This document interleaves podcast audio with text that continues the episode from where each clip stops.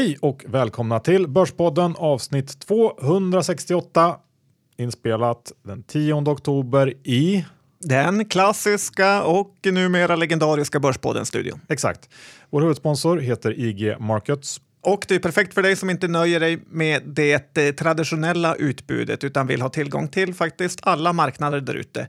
Eh, om man nu tror att börsen är på väg in i en stökigare period så kan det vara klockrent att ha IG med alla deras blankningsmöjligheter. Eh, nästan alla värdepapper är tillgängliga för blankning där. Och glöm inte bort, du får din egen eh, privata medhjälpare eller eh, ska man säga kontaktperson som eh, hjälper dig om du undrar något på IG. Så väldigt bra. Väldigt, väldigt bra. Och eh, glöm heller inte bort att CFD är förknippade med hög risk. Så tänk på det innan ni handlar. John, vad snackar vi om idag? Det är ju lite sådär en orosperiod helt plötsligt som har kommit in här på börsen. Ja, men så är det. Mycket vinstvarningar och eh, så det kommer vi snacka om alla de bolagen som gått i den härvan. Även måste vi prata lite om det legendariska eh, drakflygarbolaget Minesto som har många fans där ute och även haters som en, en sitter här inne. Såklart ska vi göra det. Innan vi kör igång så är vi också sponsrade av Yeti och Yeti är sedan 2011 ett etablerat affärssystem för event management. Roskildefestivalen, Liseberg och Stockholms stad är exempel på kunder som planerar och genomför evenemang med hjälp av Yetis plattform. Och majoriteten av intäkterna är av återkommande karaktär. Eh, orderingången för första halvåret 2018 var drygt 700% högre än hela förra årets orderingång.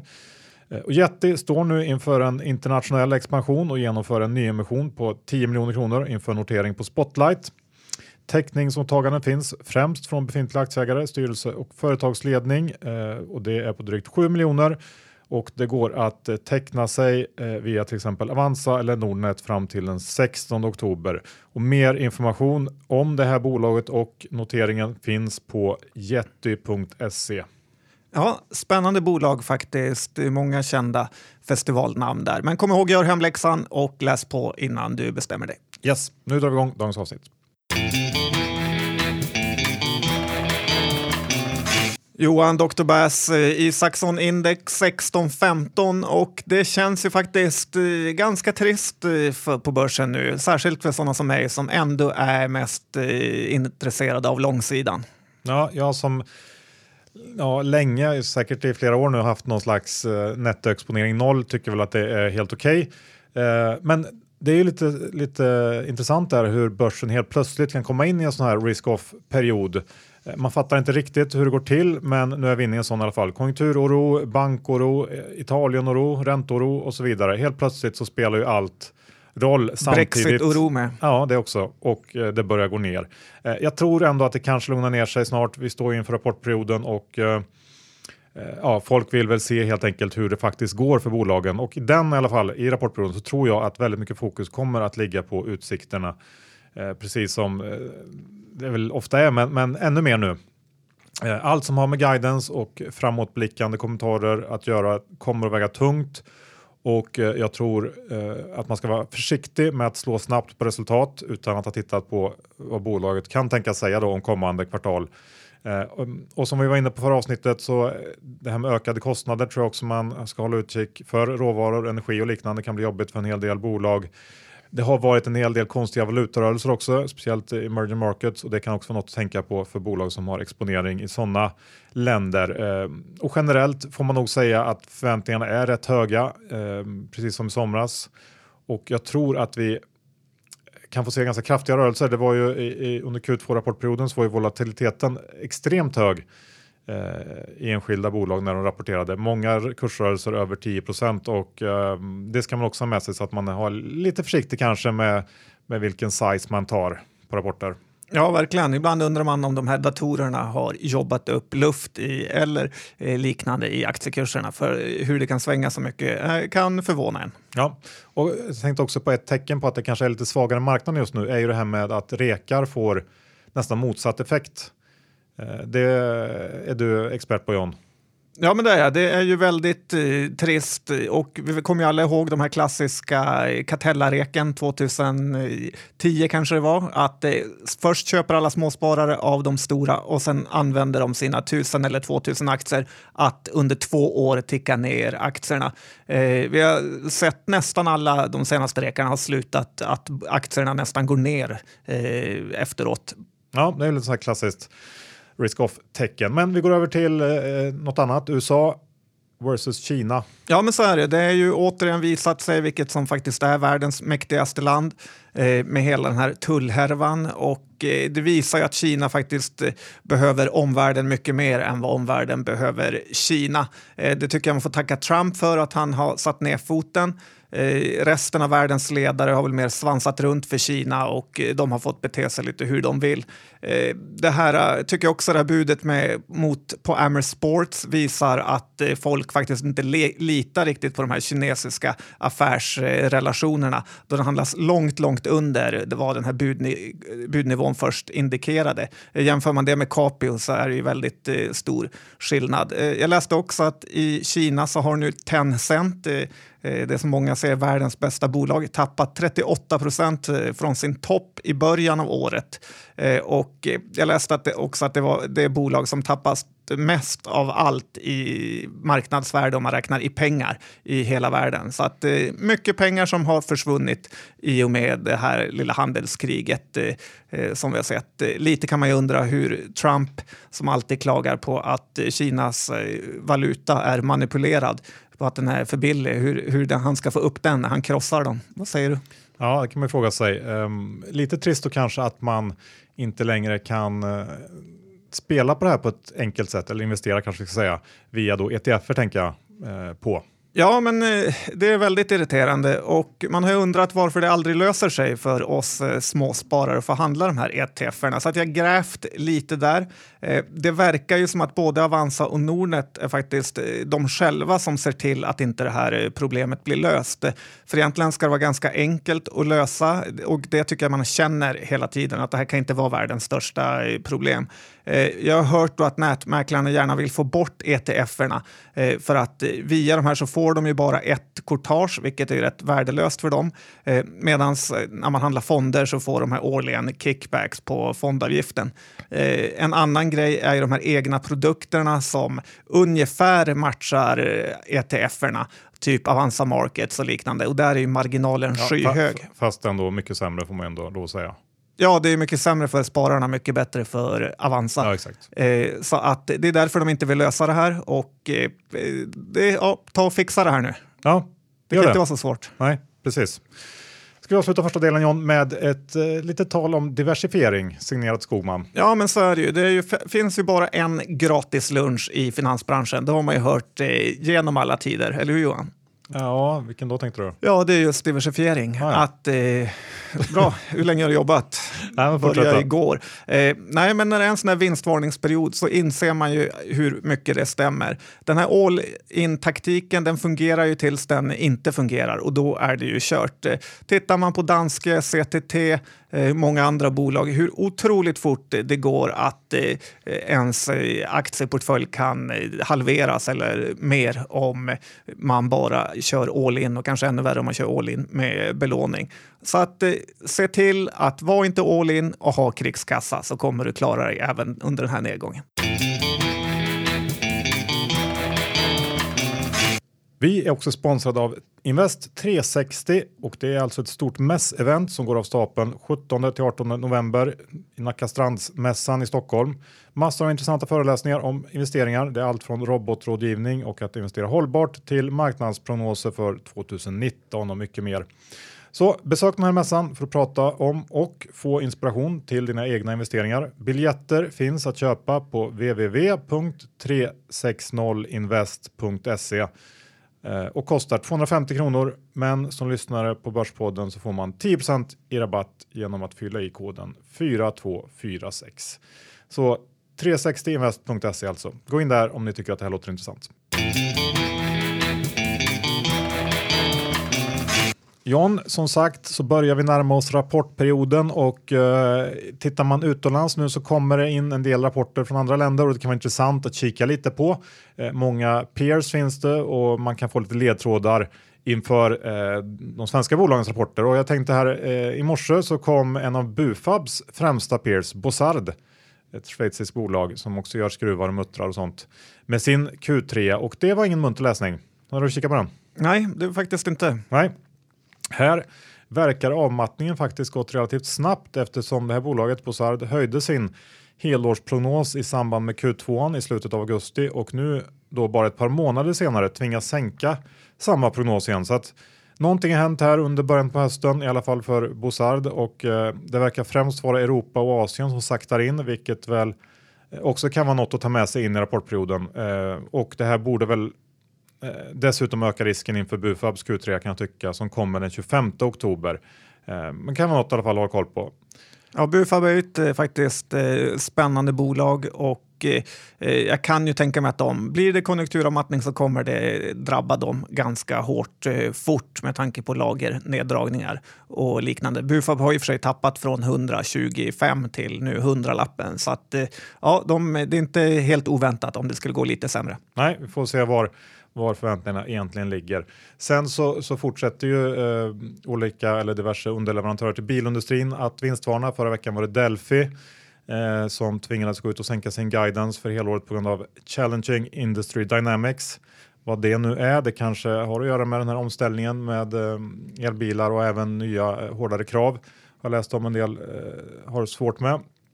Och eh, den här oron för för sektorn i stort har ju även påverkat Autoliv som tappat en hel del sista tiden. Eh, så vi får väl se där hur eh, också en sån där sektor som där det börjar bli en hel del negativt inprisat. Så vi får se vad, när väl kommer vad, vad, hur egentligen illa det är.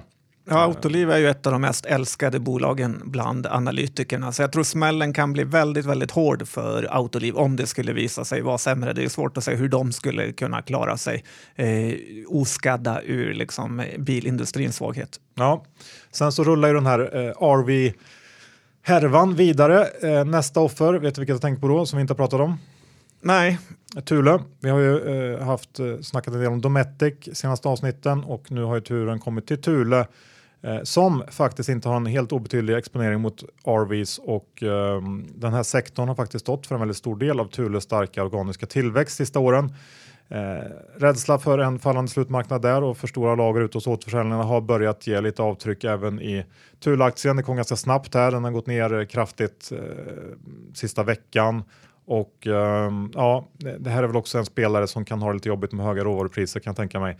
Men eh, vi får se också även där då, hur, hur ehm, hur eh, hårt det här verkligen har drabbat Thule. Ja, lite undrar man om de här RV-problemen är extremt överdrivna. Jag menar, är det en på tusen som har en husbil och börnar runt i? Så att, eh, ja, det snackas RV hit och dit. Jag är inte helt säker på att det är det som kommer styra eh, världens utveckling. Nej, nej, det kom ju väldigt snabbt och blev väldigt stort det här med RVs eh, från att man egentligen inte pratat så mycket om det. Men Blankar maffian som spridit ut det. Ja, det är i alla fall eh, narrativet just nu i den här, i den här delen av verkstad. John, eh, MQ. Ja, ska vi snacka lite handel ändå? Och eh, till att börja med kan man undra hur affärsvärlden bara några veckor innan Eh, rapporten skriver en stark köprek på MQ med motivationen att det är P7 eh, och väldigt billigt och lite mer avancerat än att titta på Avanzas aktiescreener och sen säga köp kan jag tycka att man faktiskt, eh, ja, om man ska göra sin analys. Hur som helst, MQ var ju, deras rapport var ju jättedålig och de har ju stora problem. Det syns ju faktiskt, kan man väl ganska lugnt ändå säga, i aktiekursen. Jag har ju sågat det här många gånger som börsens kanske sämsta klädbolag bolag så att vi behöver väl inte gå in på alla detaljer där. Eh, eh, men det som kan rädda dem är ju kanske att vi börjar få se en viss utslagning, både bland näthandlare eh, som måste höja sina priser på grund av eh, returer och konkurrens med mera, samtidigt som att många av de här mindre, typ Evas kavaj och kostymer får slå igen. Och på så sätt lämnar det lite utrymme till MQ. Och eh, som investerare kan jag väl ändå känna att eh, eh, man ska hålla sig till minsta motståndets lag och inte ens ge sig in i sådana här härver. Blankar man, då har man fått rätt och tittar vi på H&M så ska man väl ändå säga att eh, kanske man har lärt sig en läxa och vara lite för övermodig även på nedsidan med Europa att det är kört. Så att eh, här kan man nog stänga sin posse om man har blankat och man, vill man vara lång så finns det många andra case faktiskt. Ja, och nu när du tar upp det här med e-handeln så kommer jag tänka på när Stefan Lundell från Breakit var och hälsade på oss för vad var det, två veckor sedan eh, och snackade om det här med eh, att Amazon eh, var på väg in i Sverige och att man ska hålla koll på eh, om de håller på att bygga ett stort lager i Sverige eller inte. Och jag lyssnade faktiskt på den här Breakit Daily-podden Eh, här om veckan, eller för några dagar sedan tror jag det var. Och där gick de ju ut med den här nyheten att Amazon inte håller på att bygga ett stort lager i Sverige. Ehm, och det här är väl eh, rätt positivt ändå för eh, många av de här e-handlarna på börsen att det verkar i alla fall ta lite längre tid innan de får max konkurrens ifrån Amazon. Eh, ja, men så här, det jag tänkte på, det de sa där som jag knappt har tänkt på själv, men det är ju det här med att om Amazon inte bygger lager i Sverige så gör det att eh, de inte kommer kunna leverera på dagsbasis och liknande, vilket gör att de blir lite sämre konkurrens jämfört med om de hade haft ett eh, superlager här som bara hade kunnat skicka ut varorna eh, och i princip krossat de svenska handlarna. Så att, eh, ja, där förstår man att de har en poäng och det är bra att göra lite research. Dock kul i den här podden att de berättar hur Amazon hade störningssändare på alla sina datahallar så att deras drönare blev liksom krascha i princip. Ja. Bråka inte med amerikaner. Exakt. Eh, vi går över till eh, Danmark. Ja, snack dansk. Ja, jag tänkte Novo, eller Novo Nordisk. Novo Nordisk, ja men det här är ju faktiskt Skandinaviens största bolag och lite snäspinn har de återigen hamnat i. Det var ju kanske något år sedan senast. Eh, den är på närmare 52 week low. Eh, diabetesområdet är ju väldigt, väldigt konkurrensutsatt numera. Novo Nordisk var ju först där, så det är möjligt att de har sett eh, sina bästa dagar faktiskt. Eh, varje gång en konkurrent kommer med eh, info om någon studie som har lyckats så faller Novo-aktien tillbaka och eh, kan tycka att det är lite jobbigt för Robur Ny Teknik som ha, sa att de använder Novo Nordisk då som någon typ av bank eh, där de har sina pengar i väntan på nya case och där tycker jag man verkligen kan prata om minusränta. Ja, de hade väl det som någon slags likviditetsdämpare. Och ja, vi får se. Och, eh, på tal om det så tänkte jag på, på ett annat danskt bolag som ju, eh, jag tror också Robor Ny Teknik eh, är stora i. Det är ju det här Ambu, extremt hypade danska vad ska man säga, medtech life science-bolaget eh, eh, som ju tappat eh, över 30 procent på en månad här. Och det känns som att det generellt sett är någon slags skifte i den här sektorn Eh, den har gått in i en svagare period efter en väldigt lång uppgångsfas och värderingarna i den här sektorn är ju nästan uteslutande horribelt höga. Omöjligt att, att räkna hem så att när det faller så här mycket så blir det på något sätt eh, svårt att stoppa för det finns ingen fundamental riktigt eh, begränsning där.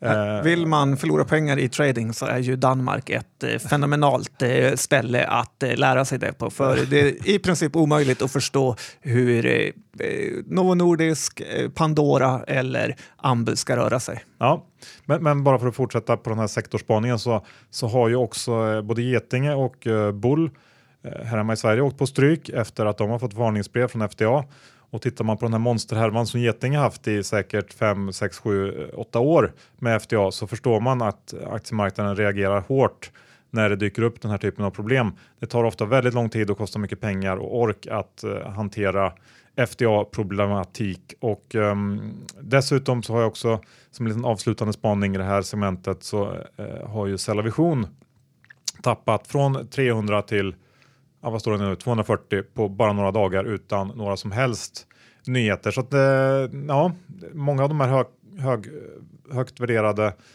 bolagen inom den här sektorn har åkt på eh, stryk sista tiden. Ja, vad gäller Cellevision så är det ju, man undrar hur mycket och hur sinnessjuk den här datahandeln är som först kan trycka upp aktien 10-20 procent och sen ner den på eh, bara någon få dag och sen är man ute efter småsparare. Det eh, Eh, väldigt eh, konstigt. Däremot kommer jag på kanske ett nytt aprilskämt till alla biotechbolag. Johan skickar man ut ett FDA-brev och eh, tror att det är ganska dålig stämning innan de öppnat det. Ja. April, april. Jag håller med. Vi går vidare John. Uh, Ska vi kanske ta upp det här heta potatisen eh, nu, det här drakflygarbolaget Minesto? Ja, det kryllar ju av småsparare på forumen som vet eh, precis allt om tidvattenströmmar och hur det fungerar. Eh, de kom ju med ett kryptiskt eh, pressmeddelande här som sa nu att undervattensdraken fungerar. Småspararna jubla och trada upp kursen, sen föll den tillbaka till negativt territorium. jag tyckte inte alls det här pressmeddelandet var särskilt bra. Eh, att den här undervattensdraken, om den hade genererat massor med ström så hade man ju självklart eh, skrivit ut det. Nu kändes det som att det knappt blev någonting. Eh, och det är precis exakt nu som den så kallade drömfasen är över för bolaget och eh, de ska börja leverera på riktigt och då är nästan alltid så kör det ihop sig. Eh, visst, eh, det är möjligt att det kommer gå ut och, kommer, att man kan få ut lite ström ur de här drakarna. Eh, det har jag ingen aning om, men frågan är om det finns någon ekonomi i det hela. Givet att de inte trasslar ihop sig då? Ja, det är i snöret, det klassiska snöret. Men det är ju extremt dyrt med undervattensarbete, dra kablar till land och så vidare. Eh, jag tycker man kan kolla på den här Gotlandskabeln som direkt eh, de gör något mer än så är hela Gotland strömlöst fem gånger på en vecka. Så att, eh, jag tror att man ska vara extremt försiktig och passa sig för eh, det här bolaget på den här värderingen och eh, noll intäkter. Alla förhoppningar ligger nu inbakade i kursen. Ja, jag håller nog med där. Och jag tycker också man kan dra eh, paralleller till liksom hur händelseförloppet ser ut i den här typen av bolag. Eh, vi har sett det förr, vi har sett det i bolag som Morphic, Cassandra. Man lyckas på något sätt påvisa att det här stämmer eller fungerar i någon slags miniatyrskala, men det går i princip aldrig, eller jag har i alla fall aldrig sett att det går att eh, i den här typen av bolag går att sen eh, få till i någon slags industriell jätteskala. Det brukar eh, helt enkelt inte funka. Nej, antingen kan man sätta ut eh, vindkraftverk ute i havet eh, eller på land, ganska enkelt. Eller så kan man sätta ut dem 60 meter under vattnet i drakar. Det ja, håller borta, det är allt jag kan säga. Och skyll inte på mig om ni förlorar alla pengar. Nej, det ska vi inte göra. Um, Atlas glömde jag förresten John, när vi snackade lite om um, inför Q3-orna. Ja, få höra. Det är ju väl ett av de bolagen du brukar eh, tälja guld med smörkniv. Nej, men det är ju ett bolag som vi har pratat ganska mycket om i poddens historia och senaste året så har jag varit inne på den här vakuumdelen och att det kan bli källan till en hel del elände för aktien och eh, Eh, nu senaste Q2-rapporten var det ju just sänkta utsikter för den delen som, som sänkte Atlas. Och igår kom Morgan Stanley med en sänkning på samma tema. Eh, Morgan Stanley tror att halvledarindustrin kommer att vända ner mer kraftfullt och påverka Atlas hårdare än vad marknaden prisar in i aktien. Eh, deras halvledarteam menar att eh, den här svagare efterfrågan som redan börjat synas i branschen kommer att fortsätta in i Q4 och vidare in i 2019, vilket i kombination med överutbud kommer att eh, ja, ge rejäla spår i efterfrågan helt enkelt för Atlas och eh, deras konkurrenter. Och man tar även upp den här extrema cyklikaliteten som halvledarbranschen historiskt sett präglats av som ett argument till att dra öronen åt sig. Och jag eh, har ju som sagt varit inne på det här spåret eh, och det kanske är nu som det verkligen händer. Idag på morgonen så meddelar schweiziska VAT som är en av huvudkonkurrenterna inom Vakuum att man inför eh, kortare arbetstid för 400 anställda på grund av svaghet på vissa marknader och då särskilt avseende halvledarsektorn. Morgan Stanley tror i alla fall att den här eh, vakuumdelen kan leda till att Atlas missar prognoserna på ebit-nivå eh, med ungefär 10% nästa år för hela bolaget alltså. Och eh, vilket då kombinerat med en monsterpremievärdering eh, leder till en sänkt rek. Eh, jag håller med, men tror att de är lite för positiva. De hade någon slags 220-25 i någon slags base case, vilket ju låter eh, helt fel. Jag tror ju att eh, långt söder om 200-lappen ska man räkna med. Vad står aktien idag? Ja, 240 kanske. Mm, det var inte mycket nedgång om allt ska gå käpprätt med 20 spänn. Nej, ja, vi får se. Det är spännande i alla fall. En av de rapporter man ser fram mest emot i storbolagsverkstan. Vi går över till finansbolag John. Ja, men det ska vi göra. Det är ju faktiskt så att att eh, de är svaga nu och jag vet inte om det som vi sa inledningsvis, om det är med bankkrisen i Italien, Brexit eller vad det är.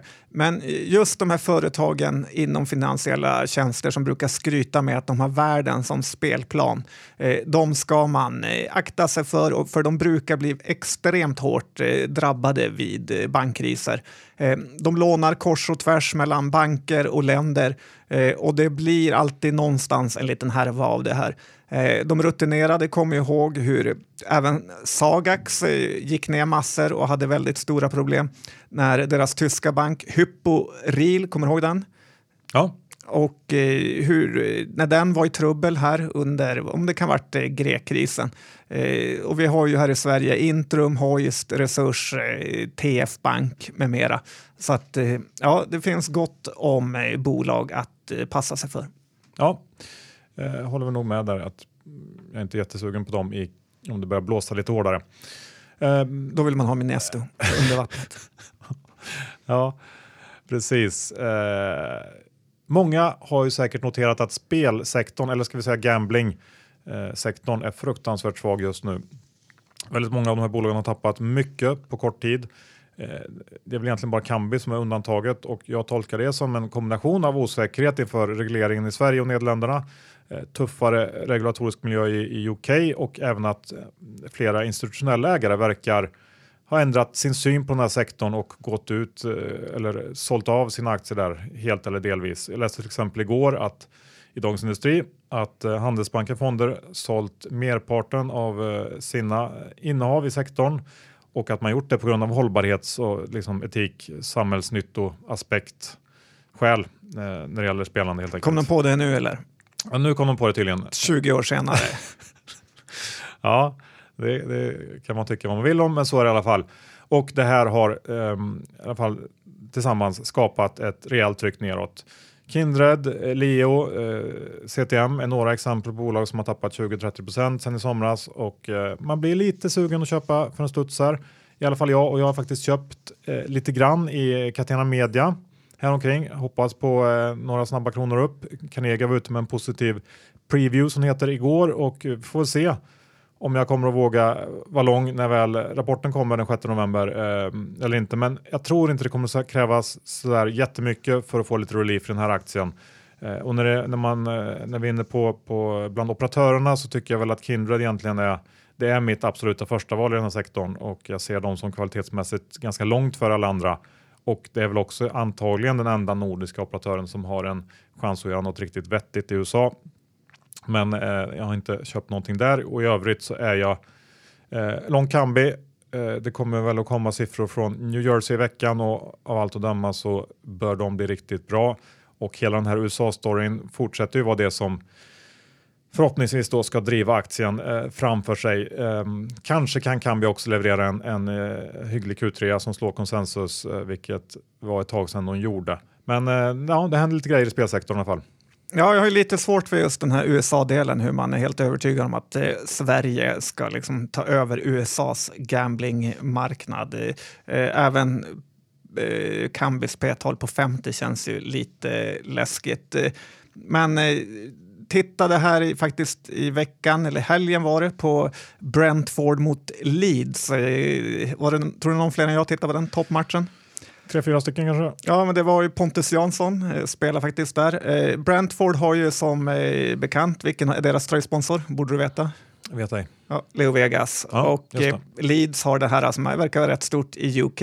Eh, 32 Red eh, som ägs av Unibet eller eh, Kindred som det heter. På sidorna så var det Skybet eh, som var sponsor. Så att, eh, och så är det i princip alla lag i hela brittiska ligan och det känns ju nästan omöjligt för de här bolagen att sticka ut. Och jag, jag förstår verkligen att de här värderingarna har kommit ner för att tillväxten per bolag måste i princip vara väldigt svår att få till sig de här Leo, Unibet och Betsson, de har ju varit, eh, som är stora här hemma, har ju varit bra på liksom olika saker tidigt. Men nu känner jag ändå att deras eh, konkurrensfördelar känns väldigt eh, låga. Så att, ja, det är svårt ja, jag, att... Jag köper det, ja, det kan jag absolut köpa. Och och eh, att även tillväxten på marknaden generellt, alltså den totala marknaden, går ju också ner från, från att ha legat på väldigt höga nivåer under många år. Så får man väl acceptera att det här är en mer mogen bransch nu och eh, man kan inte räkna med samma tillväxt längre helt enkelt. Så att det får man också ha med sig såklart. Nej, nej, Catena Media som du säger har jag också lite, lite aktier. Jag får se om jag har kvar dem också. Men eh, jag har inga större förhoppningar, mer en försäkring mot eh, bitterhet. Slut på avsnitt 268. Vi tackar vår huvudsponsor IG Markets. Ja, kom ihåg, använd dem som komplement. Eh, det finns eh, blankningsmöjligheter i nästan alla eh, jordens bolag. Och kom ihåg även riskerna med CFD. Och titta gärna på noteringens aktuella software as a service-företaget Yeti. De står inför en internationell expansion på en mångmiljardmarknad. Teckna aktier senast den 16 oktober. 7,2 miljoner finns i teckningsförbindelser och de ska ta in 10 miljoner. Mer information hittar man på yeti.se och Yeti stavas J-E-T-T-Y. Tack för det Johan. Varsågod. Och sist men inte minst så kika gärna in på Invest 360 och deras stora mässevent eh, den 17 och 18 november här i Stockholm. Massor av intressanta föreläsningar. Eh, tycker ni att det här eh, låter bra och någonting ni vill gå på så gå in på 360invest.se och köpa en biljett. De kostar 250 kronor, men som lyssnare på Börspodden så får man 10 i rabatt genom att fylla i koden 4246. Mm, avancerade grejer, men det är alltid kul att gå och lära sig mer på sådana här mässor. Ja, innehavsredovisning. Jag är lång eh, Catena Media och Kambi. Eh, det är väl det. Vi snackar bara i korta ordalag om Domectic. Där är jag fortfarande kort lite grann. Eh, ja. Hur ser det ut för dig John? Ja, jag har jättelite Catena Media och jag tar inget ansvar för den. Nej, bra. Bra, då tackar vi för oss. Vi hörs om en vecka igen. Det gör vi. Hej då!